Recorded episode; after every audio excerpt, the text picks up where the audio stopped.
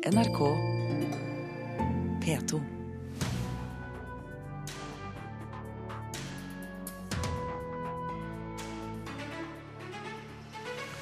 Spellemannprisen er populistisk og har utspilt rollen sin, hevder Ole Paus, som ble årets Spellemann i fjor.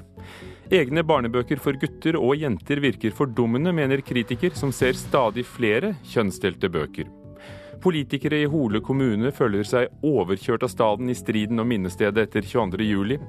Og vår jazzanmelder har hørt groovy rytmer og flotte melodier. Vi hører dem senere i Kulturnytt. Med Ugo Fermariello i Nyhetsmorgen i NRK. I fjor ble visesanger Ole Paus kåret til årets Spellemann. Nå mener han musikkprisen har utspilt sin rolle. Dagen etter at årets Spellemann-nominasjoner ble kjent, sier Paus at han mener prisen er blitt populistisk. Jeg er utrolig lykkelig her jeg står, og jeg elsker dette landet. Jeg gjør det. Slik hørtes det ut da Ole Paus ble årets Spellemann i Stavanger konserthus i januar. Elleve måneder senere sier han dette. Det er alltid mye hyggeligere å få en pris enn å ikke få den, men, men, men det gjorde ikke noe særlig inntrykk på meg. altså. Jeg må si det. For jeg syns ikke, ja, ikke at det er noe særlig stas med Spellemannprisen lenger. Ole Paus, som også fikk Spellemannprisen i klassen for visesang i 1976 og Hedersprisen i 1998, utdyper hva han mener. Jeg syns altså i det store og det hele at hele Spellemannprisen har, har, spilt ut sin rolle. Altså det, var, det var en gang da Spellemannprisen var en slags kvalitetsmotstykke til VG-lista. Altså, at det var ikke bare det kommersielle som skulle telle, det var ikke bare salgbarheten som skulle telle. Tvert imot så var det å, å, å dyrke frem det som var egenartet, selv om det kom fra et av verdens minste land. Og den linja har forlatt, slik, slik jeg ser det. Det er veldig, veldig populistisk og veldig enkle greier. Men er det litt rart, som du sier, å få Årets Spellemann i, i fjor, og så si det du sier nå? Nei, det henger helt nøye sammen. I år reagerer Paus spesielt på kategorien tekstforfatter, hvor kun én av de nominerte, Siri Nilsen, skriver på norsk.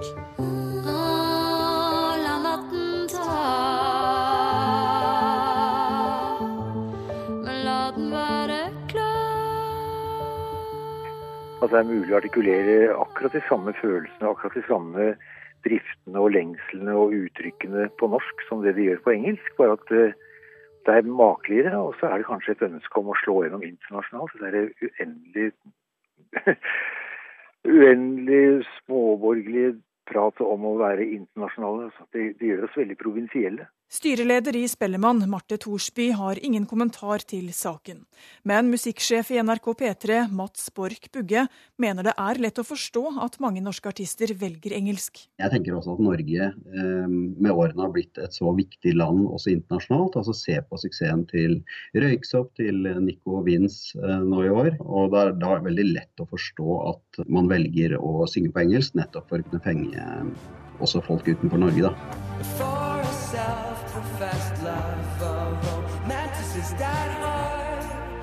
Ole Paus synes også at Spellemann bærer preg av å ha blitt en bransjepris. Jeg syns det virker som det, i, som det, er en sak for musikkjournalistene, og ikke for det norske publikummet. At Spellemannprisen det er sånn hvor, hvor musikkjournalistene kan gå rundt og, og, og klappe hverandre på kinnet.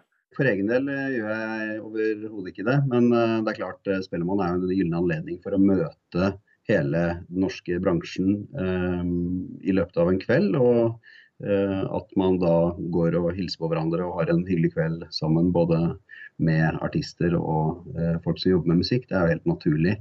Men jeg syns det er litt harde ord å si at dette er utelukkende musikkbransjens eller musikkjournalistenes prisutdeling. Og nå vet jeg at det er mange som kommer til å si at det er meg som er en grinete gammel gubbe og sånn. Og kanskje er det sant, jeg er ikke helt sikker. Men det er vel verdt å stanse opp et øyeblikk og se hva Spellemannprisen kunne vært. Og hva den gjør seg selv til. Jeg syns han tar i litt for hardt eh, og tenker at han har noen poenger. Så eh, en gammel gubbe vil jeg kalle han. Det var Mats Borg Bugge, det er musikksjefen i NRK P3, reporter Une Marvik Hagen. Og så hørte vi også Sondre Lerche synge i reportasjen. Politikere i Hole kommune i Buskerud kom med sterk kritikk mot statlige myndigheter i går. Kommunestyret behandlet statens forslag til reguleringsplan for det planlagte 22. juli-minnestedet på Sørbråten i går kveld. Vinnerforslaget skal dele en odde på Sørbråten i to med en skjæring. Og Per Kristian Gomnes, leder av plan- og miljøstyret i Hole fra Høyre, mener det må vurderes på nytt. Det viktigste er jo å minne om at vi faktisk er uenig i plassering og utforming av minnestedet. Og vi synes det fortsatt er tid å foreta en ny vurdering. Men er det mulig da å gjøre forandringer i dette spesielle minnesmerket? Ja, det burde det jo. Eh, de foreslår jo ganske radikale inngrep eh, allerede. Og hva skal de med høring hvis det ikke er mulig å gjøre noe med det? Sa Per Kristian Gomnes i Hole kommune til reporter Anette Skafjell. Dette er Robin, som sammen med bl.a. Røyksopp spilte på årets Øyafestival i Oslo. Men mangfoldet var ikke godt nok, mener Kulturrådet, som vil ha mer av punk, new wave og amerikansk gitarrock. I en rapport som har evaluert de såkalte knutepunktfestivalene i Norge, skriver Kulturrådet at Øyafestivalen når sine kunstneriske mål, men at den også bør gi rom for mer bredde i sjangrene, skriver Dagsavisen i dag. Rapporten er en del av grunnlaget for uh, revurderingen av denne ordningen med knutepunktfestivaler, som regjeringen har varslet til neste år.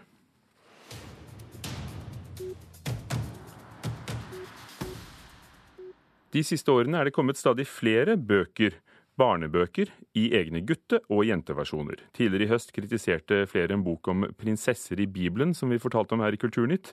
Men den boken er ikke et enkelteksempel, og Helle Cecilie Palmer i tenketanken Respublikas eget forlag mener dette bidrar til å øke kjønnsforskjellene. Her er det jo veldig masse rosa, og en del blått.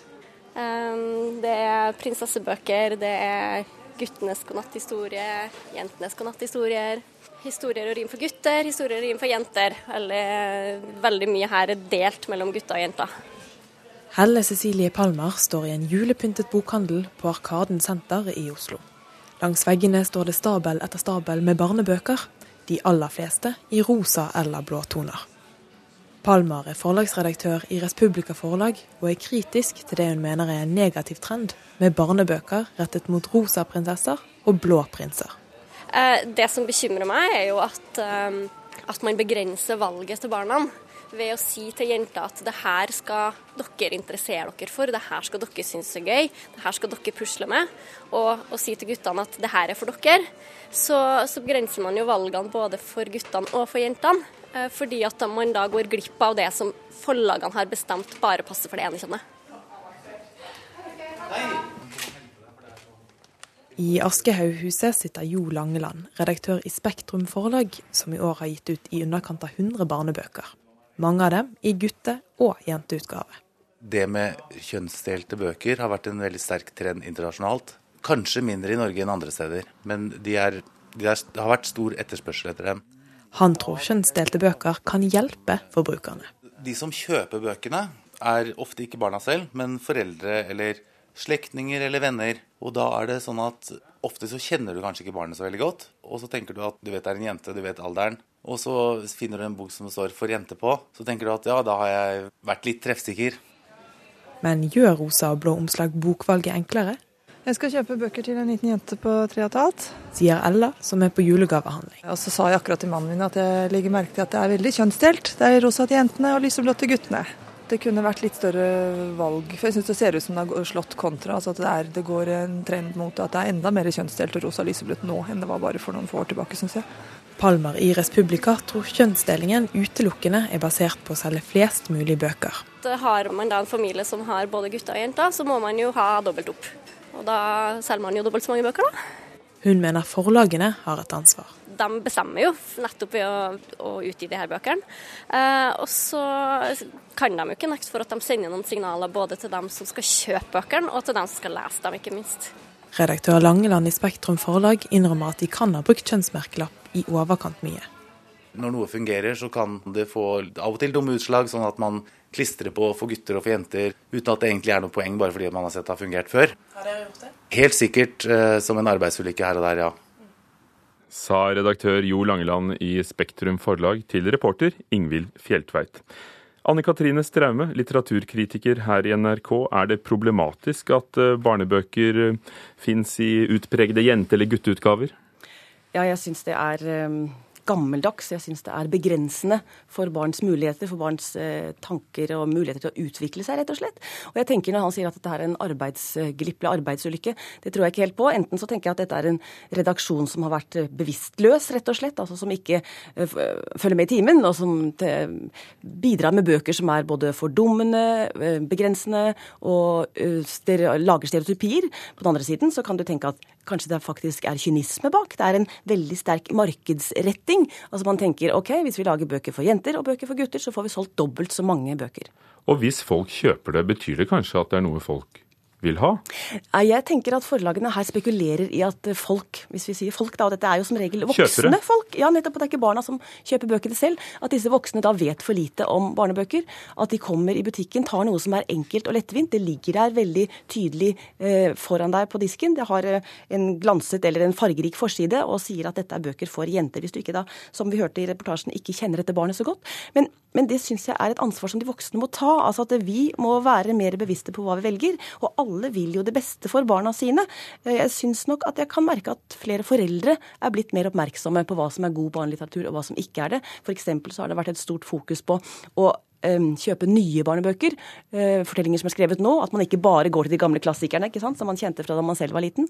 Men er klassikerne et eksempel på nettopp at de ikke henvender seg til enten gutter eller jenter? Ja, ser du på bøkene til Astrid Lindgren, til Torbjørn Egner, Anne-Cath. Vestli eller Alf Prøysen for den del, så er jo det bøker som retter seg til barn, først og fremst. Eh, og det jeg tenker er nettopp at barn må ha like muligheter.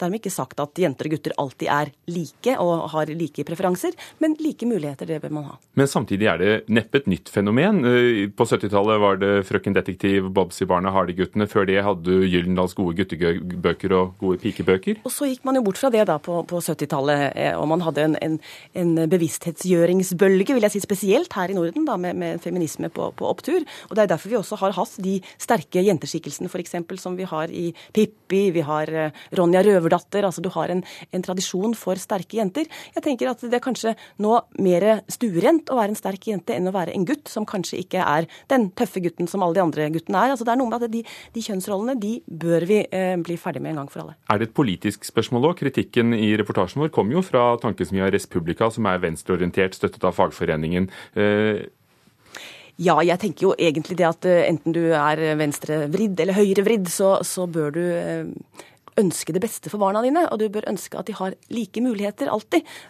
Og det tenker jeg er noe som foreldrene bør ta større ansvar for. Og hvis de skal ta et sånt ansvar som du mener som litteraturkritiker, hva bør de se etter i år? For eksempel så bør de kjøpe bøker av eh, Kari Stai, som skriver om Jakob og Neikopp, og som handler om konsekvenser hvis du bare sier ja eller bare sier nei. Du kan eh, se på bøkene til Bjørn Rørvik og Gry Maursund om Bukkene Bruse på badeland, som nå har fått en oppfølger i år. Veldig humoristiske, fabulerende bøker. Eller eh, Åshild Kanstad Johnsen som skriver om Kubbe, en liten figur som er, kan være både jente og gutt, og som holder på med ting som både jenter og gutter liker. Takk, litteraturkritiker i NRK, Anne Katrine Straume. 16 minutter over åtte er klokken passert, og dette er overskriftene i Nyhet i dag. Flere hundre elever og lærere tatt som gisler i skole i Peshawar i Pakistan. Det blir mer om dette senere i Nyhetsmorgen etter halv ni. Australske myndigheter får kritikk for at gisseltakeren i Sydney var på frifot. Han var siktet for over 40 forbrytelser. Og flyktninger og asylsøkere i Stavanger synger seg til norskkunnskaper. Vi hører mer om dette senere i Kulturnytt. I årevis var Odda i Hordaland splittet i striden om det nå nedlagte Odda smelteverk skulle rives eller vernes, og dermed bli en del av Unescos kulturelle verdensarv. Nå har forskere ved Universitetet i Bergen skrevet en bok om det redaktøren, Hans Jakob Ågotnes, kaller kulturarvifiseringsstriden. Med en passende elektromagnetisk dyr i bakgrunnen på Fabrikkmuseet i Salhus lanserte han boka om industrikulturarv. Odda har vært spesielt viktig fordi at uh, der var det en konflikt i lokalsamfunnet om hvordan en burde forholde seg til denne nedlagte industrien. Hva er kulturarv, hvordan skal vi oppfatte det? Når uh, industrien blir oppfatta som noe som er passé, en tilbakelagt epoke. Jeg vet ikke hvor mange professorer jeg, som kom gående på rekke og rad med hvite hjelmer marsjerende inn for omvisning i stad. En seinsommerdag i forfjor, inne blant restene av det nedlagde Odda smelteverk, observerte reporter Egil Thorheim et tog av akademikere, med Torunn Selberg i spissen foran den grå kolossen som heter Ovn 3. Se på dette her gamle, stygge driten som veldig mange oddinger karakteriserer det som, mens andre karakteriserer det som vakre, nydelige bygninger. Jeg syns jo selvfølgelig ikke det er vakkert, men jeg ser jo at det er ganske spennende og interessant, og at det kanskje til og med er kult. Dette er jo en vesentlig del av vår historie, altså industrialiseringen av Norge. I to år har forskerne nå jobba, sikkert uten hjelm og lanserer artikkelsamlinga Når industrisamfunnet blir verdensarv. Boka viser at det å forvalte et svært industrianlegg som kulturminne er utfordrende, og da må vi tenke nytt og annerledes. Det sier fylkeskonservator i Hordaland, Per Morten Ekerhovd. Da nytter det ikke å jobbe med de samme metodene som du bruker på småhus. Bare tenk på når eh, oljeindustrien skal fases ut. Du viste et bilde av eh, Mongstad-raffineriet. Hva skal en gjøre når det blir stengt? Det er i hvert fall helt sikkert at ikke man skal ta vare på Mongstad i sin fulle form. I mange år etter nedlegginga var Odda-samfunnet splitta av en opprivende strid. Skulle en rive eller verne smelteverket, og søke om å få det inn på Unescos verdensarvliste. Det enda med at mye ble revet, og Unesco-planene forvitra. Helt subjektivt så syns jeg jo at det er trist å se hvor ribba det anlegget ser ut nå. Jeg liker sånne herlig lange og kronglete ord. Det var kulturarvifiseringsstriden. Hvem kom på det? Det må være du, det. Antagelig. Kulturarvifisering er et sånt uh, forferdelig uh, ord. Vedgår Hans Jakob Ågotnes.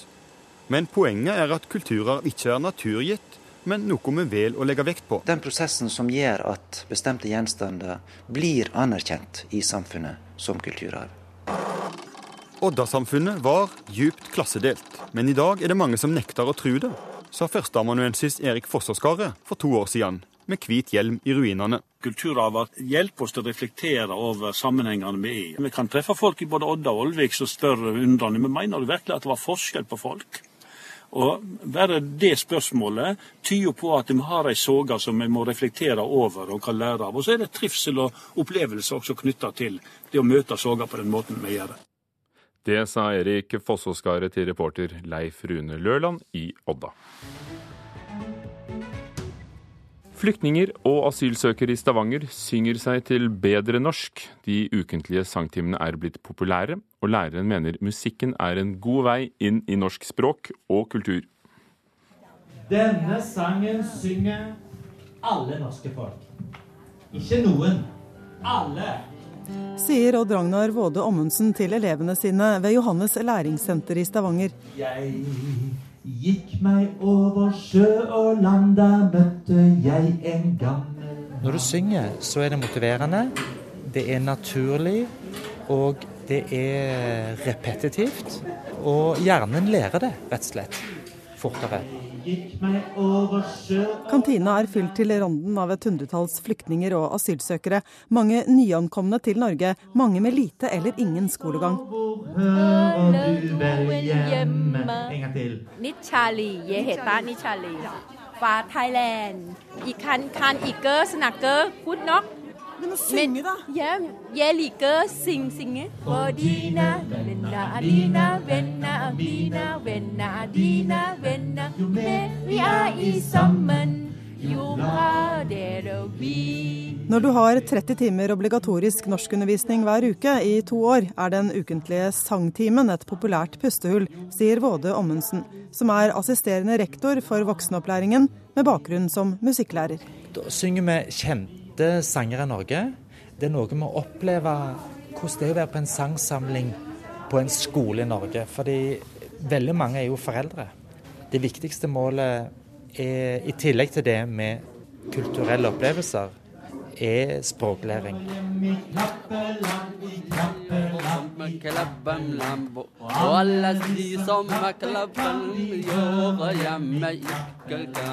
Hei, jeg heter Abdulkadir. Og så jeg synger og liker å synge om norsk. Og det er bra ja. jeg greier mitt i norsk i vanskelig. Men jeg synger ikke vanskelig. Det er lettere å synge? Ja, ja, det er lettere å synge, ja. Hvilken dag er det, i dag er det lørdag. Nei. Ikke? Så en god sang har eh, en naturlig talerytme som er blitt tonesatt, ikke sant? Så du lærer setningsrytme.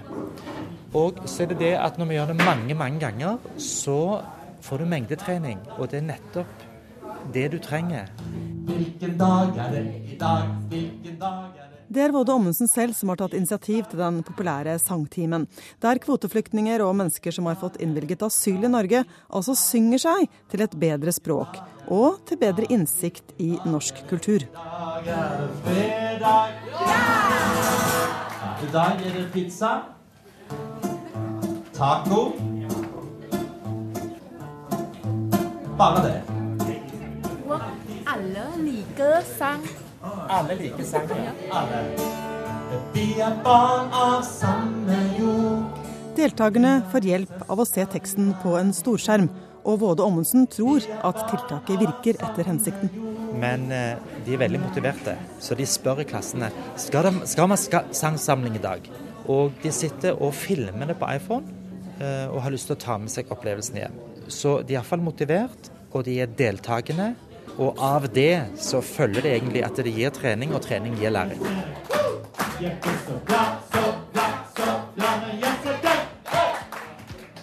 Reporter Anette Johansen Espeland på syngende norskopplæring i Stavanger. I Kulturnytt i dag har vi hørt at artisten Ole Paus mener Spellemannprisen var en motvekt til de kommersielle kreftene. I dag er den populistisk og har utspilt sin rolle, sa han i Kulturnytt. Og barn går glipp av god litteratur når forlagene pøser ut rosa pikebøker og blå guttebøker. De gode bøkene har ikke kjønn, sa vår litteraturkritiker. Hanne Lunås var teknisk ansvarlig, Lars Ivar Nordahl produsent, Ugo Fermariello programleder for Kulturnytt her i Nyhetsmorgen. Hør flere podkaster på nrk.no podkast.